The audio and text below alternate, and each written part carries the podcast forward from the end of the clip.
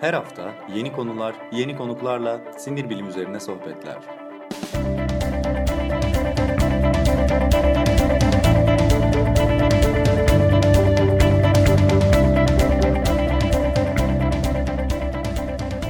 Neuroblog Podcast başlıyor.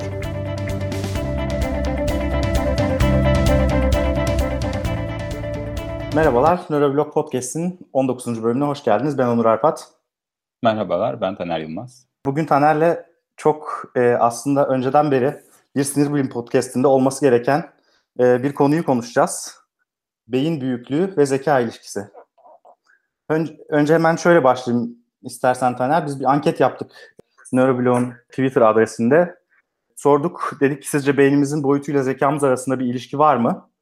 Ee, orada e, ankete katılanlardan %65'i hayır, hiçbir ilişki yok. Ee, %30'a yakını evet ilişki var. Geri kalanı da bilmiyorum demiş. Ee, ne diyorsun sen bu duruma? Sence beynimizin boyutuyla zekamız arasında hiçbir ilişki yok mu? Kim bilmiş? %10'luk kısım bilmiş. katılarak. Hayır, şey diyen e, e, evet var diyen %20 civarında. Ee, soru biraz şaşırtmacalı. Hani hiçbir ilişki yok. Cevabı doğru değil. Direkt bir ilişki var mı? Olmalıydı herhalde. Evet. Aslında direkt bir ilişki e, az ya da çok var değil mi? Yani en azından şunu biliyoruz biz. E, doğuştan çok küçük beyinli, mikrosefali diyoruz buna ve çok büyük beyinli insanlarda makrosefali aslında zeka ile ilgili bir takım sorunlar olduğunu biz biliyoruz. Gelişimsel e, durumlardan kaynaklanan bazı sıkıntılar olabiliyor. Ve aslında yani belirli bir boyutun altındaki e, beyinler e, genel olarak e, çok e, zeka ve bilişsel kapasite açısından çok da e, yüksek kapasiteye ulaşamıyorlar. E, aynı şekilde çok büyük olanların da tabii başka sıkıntıları oluyor. Orada e, başka gelişimsel sorunlar yaşanıyor. E, aslında insan beyninin genel olarak bir üst ve alt sınırı var normal fonksiyon görebilmesi için. E, boyutla ilgili olarak şöyle bir şey var. Ben de onu e, söyleyeceğim. Yani e, minimum bir e, beyin boyutu olmalı mı belli fonksiyonlar için? Asıl sorulardan birisi bu bence. Detaylarına hakim değilim açıkçası ama e, şimdi karşılaştırılmalı e, anatomi, nöroanatomi şeylerin çalışmalarına biraz baktım. Mesela böceklerde vesairede giderek hani canlıyı küçülttüğünüzde beyin aynı oranda küçülmüyor. Mesela insanda işte ortalama olarak 1 bölü 45 beynin bedene oranı aşağı yukarı. Ee, bu bir karıncada aynı olmuyor. Karıncada 1'e 7 gibi oluyor. Yani mesela vücudunun 7'de birisi beyin ya da merkezi sinir sistemi gibi oluyor. Bu şöyle bir şey e, açısından, şöyle bir yorum açısından önemli. E, belli miktarda nöral aktivite, beyin işlevi diyebileceğimiz bir şey yapabilmek için belli bir büyüklük lazım. Yani minimumu var sayeden bu işin. Evet. Ee, ama enteresan bir şekilde mesela çok küçük beyinli insan atalarının bile çok iyi fonksiyon gördüğünü görüyoruz biz. Mesela işte hobbitler olarak adlandırılan çok işte bundan 15-20 bin yıl önce uzak Doğu Asya'da e, yaşamış, Flores Adası'nda yaşamış e, Homo floresiensis e, denilen canlının aslında e, beyin hacmi yaklaşık 400 santimetre küp kadar. Ama biz biliyoruz ki bu çok küçük beyinli insan insansılar diyelim. İnsanın doğrudan atası değil çünkü. Bile çok ciddi bir şekilde düzgün fonksiyon görebilmişler. Hatta denizcilik yapmışlar, uzak adalara gitmişler işte vesaire. Bu aslında insanın evrimsel gelişiminde sürekli bir beyin büyümesi var. İşte Australopithecus'ta 400 santimetre küpken işte Homo habilis, Homo erectus, Homo sapiens'te giderek daha fazla artmış ve e, 1500 santimetre küpe kadar gelmiş 400 santimetre küpten. Böyle bir giderek beynin büyümesi eğilimi var evrimsel olarak. Ama 400 santimetre küp beyinli akrabalarımızın da gayet fonksiyonel bir şekilde çalışabildiğini e, görüyoruz. En azından belli bir zeka seviyesine sahiplermiş. E, fonksiyon deyince şimdi fonksiyon olarak neyi düşünmeliyiz? O da sorulardan birisi. Mesela e, dün böyle Twitter'da bir muhabbet dönerken fark ettim. E, Twitch'in oral bir şey e, tweet'i retweetleyip yazmıştı. Bir tane arı duvardaki çiviyi söküyor. Oraya yuva yapabilmek için. Mesela burada bir hani gerçekten ciddi bir nöral aktiviteden bahsediyoruz. Yani Evet. biliyor demek yani böyle bir çıkarım yapabilen bir hayvandan bahsediyoruz. Şimdi, Özellikle arılar, karıncalar gibi aslında memeli olmayan çok uzakta yani e, şeylerin bile çok e, akıllıca, zekice hareketler yaptığını sıklıkla görüyoruz. Buradan tabii şeye de gönderme yapmak lazım. Frans de Waal'ın e, Wahl'in şeyi e, hayvanların ne kadar zeki olduğunu anlayabilecek kadar biz zeki miyiz? E, başlıklı kitabına. Tabii o ayrıca bir tartışma konusu olmalı. E, fakat şöyle bir terim var. Mesela bu güzel olabilir. Çok antroposentrik yani insan merkezci. Fakat e, biri çıkıp 1800'lerin sonuna doğru psikozoik çağ diye bir şey ortaya atmış. Psikozoik de diyebiliriz. E, bu şöyle demek. insan e, şöyle çevrilebilir. İnsan zekasının, insan e, bilişinin dünya üzerinde olduğu çağı böyle adlandırabiliriz. Bunu da aşağı yukarı 3.4 milyon yıl öncesinden başlayıp son e, işte e, 8000'li yıllara yani bronz çağı ile başlayan e, metali işleyebilecek çağlara girdiğimiz zamana kadar alınan bir dönem gibi kabul etmişler. Çok göreli bir tanım aslında ama biraz önce senin söylediğine de çok e, oturuyor. Yani minimal işlevler sadece e, işte hayatta kalmayla ilgili değil, kültür oluşturmaya doğru giden işte ya da örneğin e, alet kullanmaya doğru giden işlevleri de yerine getiren bir beynin ortaya çıktığı dönem.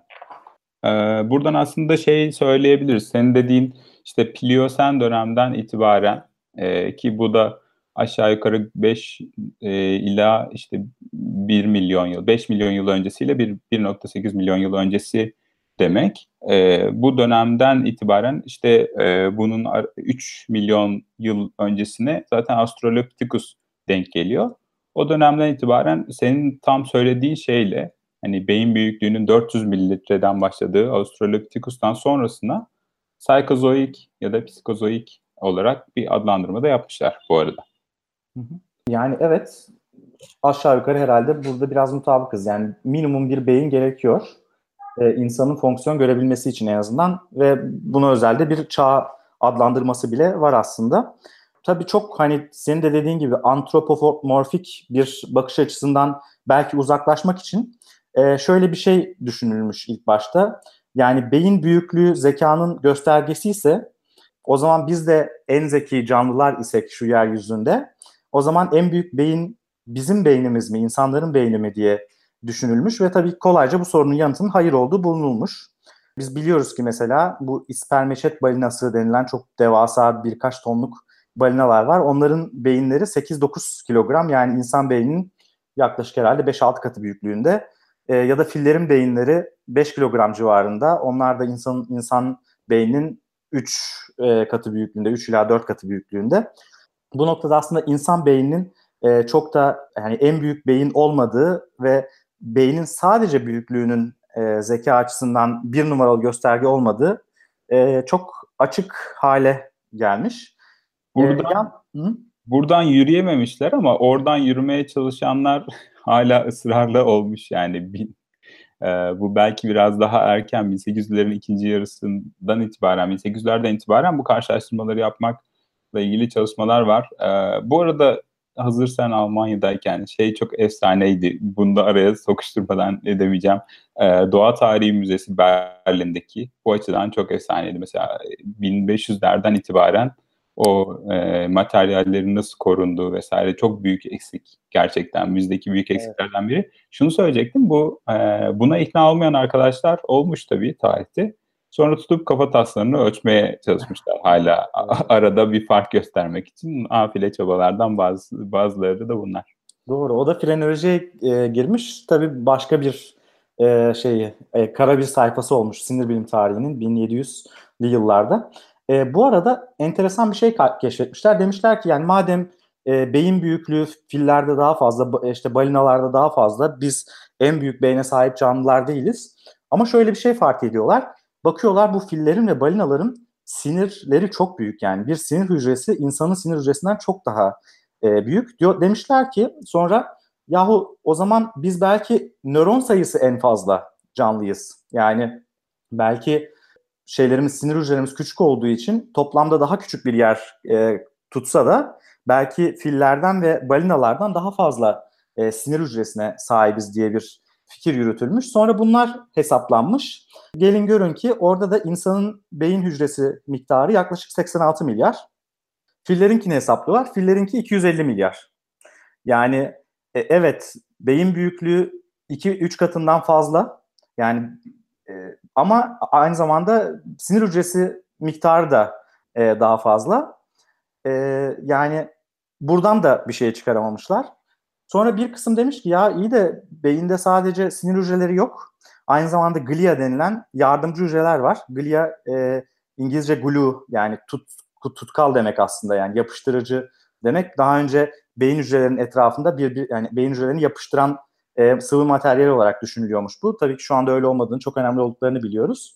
Belki onlar daha fazladır bizde oran olarak diye bakmışlar. Hayır onlar da değil. O, hatta enteresan bir şekilde yardımcı hücreler e, neredeyse bütün memelilerde aşağı yukarı eşit yoğunlukta bulunuyor. E, bu arada sinir hücrelerinden çok daha fazla glia hücremiz var genel olarak. Oradan da bir e, neticeye varamamışlar. En son olarak seninle yayından önce de konuştuğumuz e, encephalization quotient diye bir şeye gelmişler. Yani e, ensefalizasyon oranı. Yani işte şeyimizin e, vücut büyüklüğümüze oranla beynimizin oranı nedir diye bir e, şeye gelmişler. Oradan da sen devam et istersen. Nedir bu encephaliz encephalization quotient ve neden böyle bir şeye bakıyoruz, ne görüyoruz?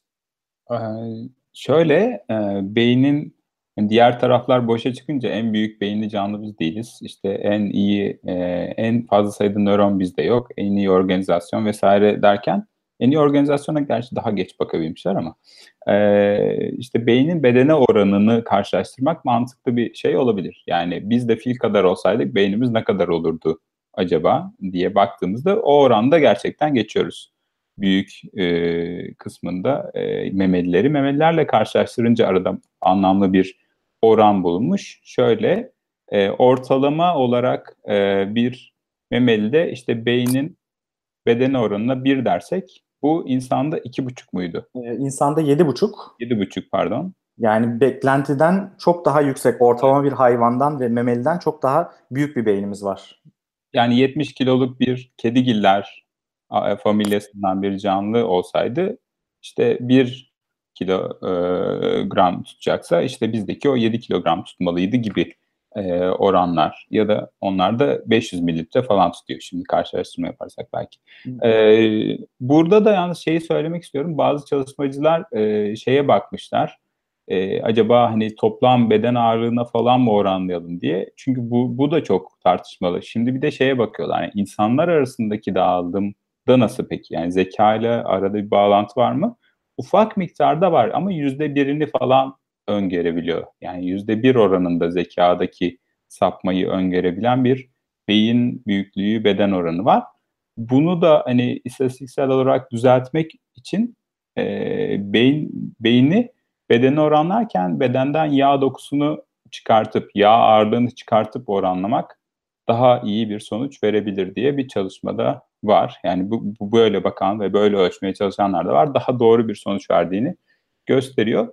Ee, burada da yalnız şöyle bir şey, önceleri şeyi çok konuşurduk yani e, hani insan oransal olarak bedenine oranla beyin en büyük canlı diye. Öyle de değilmiş abi. Buradan da tutturamadık. E, çünkü evet. e, omurgalılar içinde e, şuraya not almıştım. E, yeni dünya maymunu e, Hapale rosalia var. Mesela bizde 1'e 45 ise bu oran, beden, beynin beden oranı. Onlarda 1'e 30. 1 bölü 30 yani. Bir de fare giller var. Sivri fare giller şeklinde anılan bir aile. Onlar da omurgalı ve memeli. Onlar da 1'e 25 aslında. 1 bölü 25. Yani aslında evet. bedeni oranları gene bizden büyük. Aynen öyle. Yani burada da dünya şampiyonu değiliz aslında. Her ne kadar mesela Yunusları geçebiliyoruz. Yunusların bedene e, e, beyin oranı 4 civarında. Şeyleri geçebiliyoruz. Şempanzeleri geçebiliyoruz. 2,5 civarında. Filleri geçebiliyoruz. 2 civarında. Ama bu senin saydığın hayvanları geçemiyoruz. Burada da dünya şampiyonluğu bize ait değil. Ama biz kendimizi en zeki canlı olarak düşündüğümüz için diyoruz ki o zaman bu zekanın başka bir e, anatomik indikatörü olmalı. E, zekayı şey yapabileceğimiz, gösterebileceğimiz. Buradan da aslında şuna gelmişler.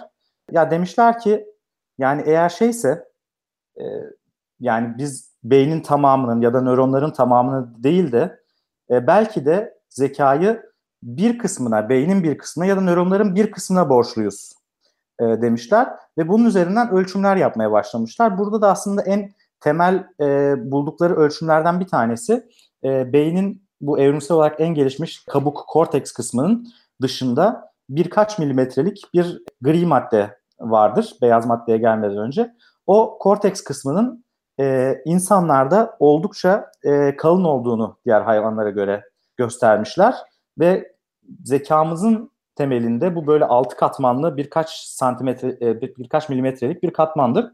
E, ona göre bizim daha zeki olabileceğimizi yani diğer hayvanlardan bu konuda ayrılabileceğimizi e, göstermişler. Artı şöyle enteresan bir şey var. E, bilişsel fonksiyonları etkileyen depresyon ya da şizofreni gibi bazı hastalıklarda e, bu hastalıkları geçiren insanlarda zaman içerisinde bu gri madde miktarının azaldığını göstermişler. Belki bu e, biraz e, bize yol gösterici olabilir zeka açısından. Yine tabii bir insandan bir insanı yani işte sokaktan geçen iki insanı karşılaştırırken değil de işte bir hayvanla bir insanı, bir şempanze ile bir insanı karşılaştırırken tabii bu ölçümler e, makul. Yoksa benim gri maddem sizden maddem sizden daha fazla, ben o zaman senden daha zekiyim gibi bir durum yok. Ee, burada da şeyi söylemek önemli. Sahiden korteksin yapılanması e, ve kalınlığı önemli. Ciddi yani oradan bir fikre varabileceğimiz e, yegane ölçümlerden biri herhalde. E, korteks ne kadar katmanlı yapıdaysa o kadar iyi. Fakat şöyle şeyler var. Örneğin otizme e, yol açtığı düşünülen çeşitli faktörlerden birisi de o beyindeki moleküler organizasyon ve hücre organizasyonu. Orada katmanlarla ilgili bir sorun yok. Hatta bazen o katmanların sayısı fazla ve yapısı daha fazla, daha kalın bir korteks var. Fakat aradaki organizasyon kötü. Yani o katmanların e, şey, kalınlığı, korteksin kalınlığı kadar e, şeylerin hücrelerin birbirleri arasındaki organizasyonu da oldukça önemli. Buradan biraz şeye geliyoruz aslında yani e, bir hücresel bir e, desen var kortekste başta olmak üzere. Bu yapılanma çok önemli e, bir fark yaratıyor. Biraz majör anatomiye dair bir şeyler de söyleyebiliriz. İzleyicilerden birisi acaba insan beyninde makbul olan nedir? Kaymak gibi pürüzsüz mü yoksa tarla gibi çukurlu olan mı diye. akıl tutuşması her zaman e, akıl tutuşması arkadaşımızın her zaman e, her hafta biz dinleyen çok sabit dinleyicilerinden bizden bir tanesi güzel bir soru sormuş. Buyur cevap ver abi. Ee, abi kaymak gibi olunca pek işlemiyor. Şeye bakarsanız çünkü öyle kaymak gibi pürüzsüz beyinler e, böyle cilt bakımından yeni çıkmış gibi görünen beyinler ile aramızdaki e, fark e, o sulkuslar ve giruslar. E, giruslar katlantı, sulkuslar da aralarındaki boşluklar. E, ne kadar fazlaysa beyin kendi üzerine o kadar fazla katlanmış, o kadar fazla korteks var demek bu. Mesela fare beynine bakarsanız anatomideki en önemli farklardan birisi budur. Bize yakın olan e, şempanze işte ya da kuyruksuz maymunlara bakarsanız beynin büyük oranda benzediğini görürsünüz. Mesela şempanzede bu kıvrıntılar da, bu girus ve sulkuslar da oldukça benzerdir. Tabii ki şey kortek, korteks yapısı ve boyutları aynı değil. Oldukça farklı var. Kıvrımları aslında e, beynin e, bulunduğu kafatasının içine sığamaması, sığamamasından dolayı e, yer arttırmak için aslında içine girip çıkması bir şekilde alan yükseltmeye çalışması. Sonuçta aslında beynimizin yüzey alanı 2,5 metrekare. 2,5 metrekareyi küçücük bir e, kafatasının içine sığdırmaya çalışıyor bir nevi. Ama bu noktada da aslında dünya şampiyon değiliz. Çünkü Yunuslar bizden çok daha kıvrımlı beyinlere sahipler. Ya aslında burada ilginç bir şey de var. Otostopçunun galaksi rehberinde vardır ya hani e, insanlar dünyanın en zeki ikinci canlısı olarak geçerler. Çünkü Yunusları e, orada birinci olarak e, düşünürler. Hani hep şey gibi yani karşılaştırdığımız zaman aslında beyinlerimizde Yunuslar gerçekten insanla birçok alanda yarışmaya aday beyinleri birebir karşılaştırdığımız zaman. E, ama Yunusların da bir takım e, o noktada şeyleri var artık ne diyeyim farklılıkları var insanla. Örneğin Yunusların hipokampusu mesela beyinlerine oranla çok daha düşük. Hipokampus e, hafızaların oluşturulmasından ve çağrılmasından sorumlu beyin bölgesi. E, bu noktada belki bir ihtimal Yunusların hafızasının o kadar da iyi olmadığını e, söyleyebiliriz. Yunuslar denizde yaşadıkları için koku alma e, duyuları oldukça artık neredeyse yok seviyesinde ve koku alma reseptörleri de koku sinirleri de e, yani koku alma sinirleri de önemli oranda gelişmemiş ama buna karşılık beynin ön kısım beyinlerin ön kısımları oldukça fazla geliş gelişmiş. Enteresan bir şekilde mesela yunusların ön beyinlerinin yani evrimsel olarak en gelişmiş serebral kortekslerinin tüm beyne olan oranı insanlardan bile fazla. Yani çok ciddi bir rekabet yapıyorlar Yunuslar. Goodbye and thanks for all the fish şeklinde. Aynen öyle. Ve şey de yani sosyal hayatlarına baktığımız zaman mesela Yunuslar e, insanla birlikte bu böyle hardcore bir laf olacak ama insanla birlikte zevk için öldüren ikinci tür aslında e, tüm hayvanlar aleminde diyebiliyoruz en azından. Biyolog varsa daha iyi biliyorsa beni düzeltsin. E, ama çok da sosyal, çok daha geniş bir, e, zengin bir sosyal hayatları var. Onu da biliyoruz deniz aleminde. Yani Yunuslar çok ciddi bir rekabet oluşturuyor insan beynine karşı. Ee, buradan nereye bağlayacağımızı ben de bilemiyorum. Yaşasın Yunuslar diyerek çıkabiliriz. tamam o zaman ben şö- şöyle bağlayayım. Dediğin gibi senin beyin organizasyonu çok önemli. Ee, mesela şunu biliyoruz biz. Beyindeki hücre sayısı e, çok önemli olmayabilir. Beyindeki işte kıvrım açısından da en iyi olmayabiliriz ama mesela organizasyon açısından, sinaptik bağlantılar açısından yani sinir hücrelerinin birbiriyle yaptığı bağlantılar açısından insan beyni gerçekten de e, özel bir e, beyin ve hani diğer hayvanlarla aslında bu alanda e, çok ciddi bir şekilde fark atıyor diyebiliriz. Mesela fil beyninden bahsettik. Fil beyni e, 250 milyar nörondan oluşuyor ve yaklaşık 5 kilogramlık bir beyin ama fil beyninin %98'i sadece yani yüz, filin beyindeki nöronların %98'i e, sadece beyincikte. Tamamen o koca vücudun dengesini sağlamak üzere %98'ini harcıyor e, bütün e, nöronlarının. İnsanda şeydeki beyincikteki e, oran genellikle %60-65 civarında diye düşünülüyor. Yani %2'si sadece 5 milyar hücre fillerde başka amaçlar için kullanılıyor. Hareket dışındaki amaçlar için. Bu da tabii yani çok e, ciddi bir fark oluşturuyor insanla fil arasında. E, Yunuslarda bu arada insanda 16 milyar olan serebral korteks e, hücre sayısı Yunuslarda 37 milyara çıkıyor. Yine Yunuslara bağladım. Çok etkilendim bugün araştırırken. Abi şey akıl tutuşması polis olan Yunuslar değil mi diyerek konuyu noktalamış bence. o noktada yorum yapmak istemiyorum. Tutuklanırım. ee, şöyle e, burada şuna da dikkat çekmek lazım. Sayeden e, kortikal yapılar arasındaki projeksiyonlar açısından da insan beyni oldukça gelişkin. E, bizim çeşitli beyin devrelerimiz var ve hastalıkları da birçok açıdan bunlarla temellendirip açıklayabiliyoruz. Kortikal dediğimiz alanlar ile kortikal alanlar ya da beynin işte daha ön prefrontal frontal alandaki e, soyut düşünmeye yönelik, problem çözmeye yönelik alanlarıyla daha limbik yani daha biyolojik fonksiyonlara yönelik ve hafıza gibi daha temel alanlar arasındaki projeksiyonlar da çok çok zengin. Buna ilişkin çalışmalar da çok da renkli görüntülemeler yapabilen artık çalışmalar da var moleküler düzeyde takip edebildikleri için. Ee, ve bunlar da bize şeyi gösteriyor yani arada bir organizasyonel fark var. Ee, bu şey yine tabii e, boyutun hiçbir anlamı yoktur demek e, değil.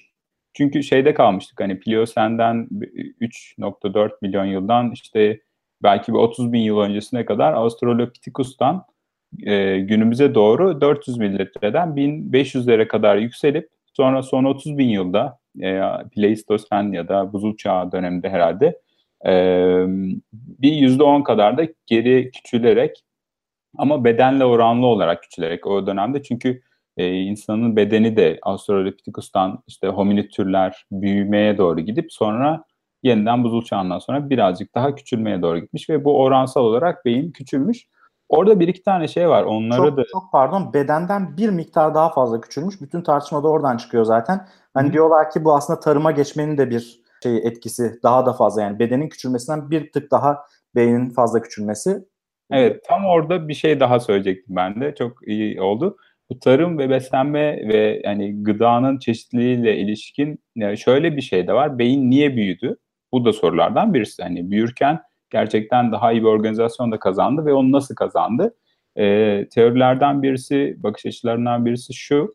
E, bir kere daha iyi sindirebileceği gıdalar ve daha kaliteli, proteini yüksek, enerjisi yüksek gıdalar almaya başlayabilen e, insansı türler böylece beyinlerine daha fazla yer açabildiler. Nasıl açtılar bunu? Bir, bağırsaklar küçüldü. Çünkü bağırsaklardaki boyutun kısalmasıyla beyindeki büyüme arasında bir şey var, e, korelasyon var sahiden. Çünkü orası da ciddi derecede hani sınırlı kaynakları tüketiyor. E, ikincisi bu organizasyon becerisiyle birlikte bir şekilde çünkü şöyle bir şey olmuş yani e, insanın alet kullanma işte proteinler vesaire gibi e, proteininden daha zengin etle beslenmeye geçmesi bu beyin büyümesinden daha önceye dayanan bir şey. O yüzden bu organize olarak avlanabilme becerilerini kazanır kazanmaz işte baş parmağı e, şey diğer parmaklarından daha bağımsız hareket edip şu işte şu opozisyon hareketini yaparak bir alet kullanmaya daha yatkın olur olmaz aslında çok ciddi bir sıçrama gerçekleşmiş orada ve burada daha yüksek e, şeyli kalorili besinler elde edebilmek, daha kaliteli besinler elde edebilmek de beyni çok beslemiş.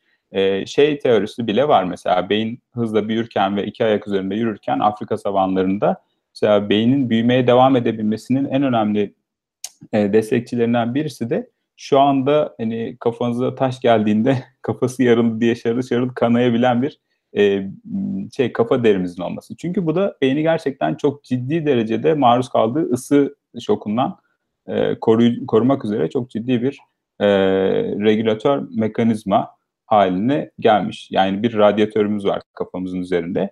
E, bunun gibi çeşitli anatomik e, değişikliklerinde bunu desteklediğini, beyin büyümesini ve organizasyonu desteklediğini de söylemek lazım. Evet. Ee, senin dediğin şey hani bir simülasyon olsaydı bu evrim tarihi yapmak istediğin en son şeylerden bir tanesi aslında beynini büyütmek olurdu. Çünkü ya beyin çok fazla enerji harcayan bir yapı. Onu durduk yere büyütmek hani çok fazla bir şekilde senin başka yerlerden enerjini tasarruf edip oraya aktarma anlamına geliyor. Ama bu senin bahsettiğin işte e, işte yemek yani ne denir? Yemek pişirmenin bir şekilde, ateşin başarılı bir şekilde kullanıp yemek pişirmenin e, düzgün bir şekilde yapılabilmesiyle birlikte yemeklerin sindirimi kolaylaşıyor. Yemeklerin sindiriminin kolaylaşması e, bağırsakların kısalmasını sağlıyor. Oradan edilen tasarruf ve gelen enerji de aslında e, beynin bu kadar büyüyebilmesini sağlıyor. Hemen bir soru alayım. E, beyni maddesel olarak incelediğimizde diğer hayvanlardan açık ara farklı, avantajlı olduğumuz tek bir yön yok mudur? Ne dersin? Söyledik ya az önce söyledik. yok yani e, şeyden bahsediyor. Hani anatomik olarak tek bir yön yok mudur? Maddesel Anatomik olarak yani. Maddenin şeyi, Şöyle, materyalin kendisi. e, iki şey söyledik. Maddesel olarak. Maddesel olarak diyor yani şey, ma- materyal olarak yani. Maddeyle kastettiğimiz moleküler düzeydeki Anatomiden, anatomi diye düşünmüştüm ben açıkçası. Anatomi ise şöyle iki şey söyledik. Hatta üç şey söyledik galiba. Bir, korteksteki tabaka sayısı. İki, bu korteksteki tabaka, altı tabakalı korteksimiz var bizim. Onların arasında, arasındaki organizasyon. Üç, sulcus ve gyrus var. Yani beyin kendi üzerine çok katlanan bir anatomik yapıya sahip ve böylece en yüksek işlemci gücüne sahip olan korteksin alanını ge- şey, genişletmeye yarıyor bu. Evet. Ben de şunu ekleyeyim. Bütün bu beyin gelişmesi yani özellikle e, hafıza e, ile ilgili ve aslında daha sonra beynin özellikle e, Homo erectus evresinde SCA1 mutasyon diye bir mutasyon ortaya çıkması e, aslında çok önemli bir e, olay beynin anatomik gelişiminde. Bunun aslında dil oluşumuna sebebiyet verdiği dolaylı yoldan e, insan beyninde diğer canlılardan farklı olarak Broca bölgesinin e, beyinde ilk defa ortaya çıkması çok önemli bir şey belki. Broca bölgesi bizim beynimizi diğer memelilerden ve insansılardan, şempanzelerden vesaire ayıran e, çok önemli yerlerden bir tanesi. Ender anatomik alanlardan bir tanesi. Belki onu da ek olarak söyleyebiliriz. Ee, Bir şey daha hani bu büyümeyle ilgili orantılanamayacak e, nöroanatomik değişiklik olarak bir şey daha söylemek isterim. Bu Australopithecus'tan günümüze kadar 400 mililitrelerden 1350 mililitrelere büyüyen beynimiz ile karşılaştırdığında mesela at familyası, atgiller e, diyebileceğimiz hayvanlarda da o zaman çok daha küçük bedenli ve küçük beyinliler ama sonra giderek büyüyünce onlarda da bir büyüme oluyor. Yaklaşık olarak insanınkine benziyor 3 kata kadar. Ama benzer bir zeka gelişmesi gözlenmiyor hani karşılaştırıldığında. O yüzden burada gerçekten e, korteksin yapılanması ve sulcus gyruslar sanırım oldukça önemli bir yer tutuyor. E, peki insanlar arasında fark var mı? Yani şimdi daha büyük beyinler burada bir fark yaratıyorlar mı sorusu. Mesela Einstein'ın beyni evet, hocam. Ben de oradan sana şey yapacaktım. Einstein'ın beyni. E, bundan yıllar önce açık bilimde Tevfik buradaydı belki hatırlıyordur kimin yazdığını. Einstein'ın beyniyle ilgili çok güzel bir e, yazı okuduğunu hatırlıyorum. E, Einstein'ın beyninin hikayesi yolculuğuyla ilgili. E, ama sonuçta biliyoruz ki Einstein'ın beyni ölçüldüğü zaman, biçildiği zaman ortalama bir insan beyninden bile küçük olduğu ortaya çıkıyor. Ve aslında yani en azından total beyni olarak e, Einstein'ın beyni diğer insan beyinlerine oranla hiçbir üstünlük e, göstermiyor. Altyapılarını inceledikleri zaman, moleküler düzeyde inceledikleri zaman da gerçekten hiçbir öyle diğer insanlardan farklı ve üstün bir tarafı e, olmadığı gösteriliyor. Zaten beklenmedik bir şey de değil aslında. Bu işte hani ne yazık ki e, 1900'lerde dahi sürebilmiş olan kafatasçılığın boşa çıkarılması gibi bir sonuç veriyor. E, moleküler ve e, kortikal yapılanma e, gerçekten şey, önemli faktör. Bir soru gelmiş de zeka neye bağlıdır diye e, Klipkore Sanbey sormuş. E, yani zekanın en önemli belirleyicisi, insan zekasını diğerlerinden ayıran en önemli belirleyici herhalde bu yapılara dayandırılabilir diye düşünüyorum. Bir soru daha gelmiş. Bir çalışma vardı sanırım. Dalton'un 19. yüzyılda olması gerek. E, Harvard mezunu bin erkek ar- arasında bir araştırma yapılıyor ve onur derecesiyle mezun olanların beyni 19 yaşından sonra bile %2 ila 5 arası büyüdüğü tespit ediliyor. Çalışmanın detayını hatırlamıyorum ama bulabilirim eğer üstüne düşersek demiş Burak Yalçınkaya. Çalışmayı görmek lazım ama ben açıkçası 19. yüzyılda yapılmış bir çalışmanın şeylerine çok güvenmiyorum ya. E, dürüst olmak gerekirse ama bakmak gerekir tabii ki. Bir de belki e, şunu konuşmak gerekir. Yani aslında şimdiye kadar karşılaştırdığımız bütün hayvanlar işte insan, şempanze, e, fil, yunus çok geniş ve çok karmaşık sosyal hayatları olan hayvanlar. Bu sosyalliğin, sos, sosyal organizasyonların getirmiş olduğu karmaşıklığın bir çeşit seçilim baskısı yarattığı ve o seçilim baskısı nedeniyle e, zekanın artmak zorunda kaldığı, be, yani beyne yatırım yapmak zorunda kaldığı e, evrimin de belki e, bunun üzerinden çıkarılabilecek sonuçlardan bir tanesi diye düşünüyorum ben. E, çünkü çalışmada sanırım şey diyordu yani kadınlar e, insanın evrimi süreci boyunca Herkülleri değil Einstein'ları tercih ettiler gibi bir başlığı vardı. Evet bir de doğa da Einstein'ları tercih etti muhtemelen kadınlardan ziyade Herküller evet onların da mutlaka avantajları vardı ama e, hem kadınlar hem de doğa Herkülleri tercih etmek yerine Einstein, Einstein'ları tercih etmek durumunda oldu diyelim. Onun dışında eklemek istediğim bir şeyler var mı? Ee, Taner çünkü buradan sorular geliyor ama galiba hepsini yanıtlayamayacağız. Süremizi de yavaş yavaş aşıyoruz gibi görünüyor. Evet, benim söyleyeceklerim bu kadar gibi. Tamam, ee, ben de çok teşekkür ederim herkese katılan. Bir duyuru yaparak bitirmek istiyorum. Önümüzdeki hafta ben tatildeyim, Taner de tatilde. O yüzden Neuroblog Podcast yok. E, ondan sonraki hafta pazartesi günü Çağrı Yalgın'la e, görüşeceğiz. Kendisi Finlandiya'da sinir bilim e, çalışmaları yapıyor. Sinir bilimle ilgilenenler hatta e, kendisi bir tıp doktoru aslında. Tıp doktoru Marmara Üniversitesi'ni bitirdikten sonra e, Finlandiya'ya ve Japonya'ya gidiyor. E, tamamen temel sinir bilimle ilgileniyor. Onunla ilgili sorularınız varsa şimdiden bize Twitter adresimizden iletebilirsiniz. Çünkü bununla ilgili çok soru geliyor. Nasıl sinir bilime kayabilirim diye. Onu da şimdiden duyurmuş olalım. İki hafta sonra görüşmek üzere diyelim. Dinleyicilere teşekkürler. Sorularınız ve katkılarınız için de çok teşekkür ediyoruz. Görüşmek üzere. Teşekkür ederiz. İyi akşamlar. Görüşmek üzere. Her hafta yeni konular, yeni konuklarla sinir bilim üzerine sohbetler.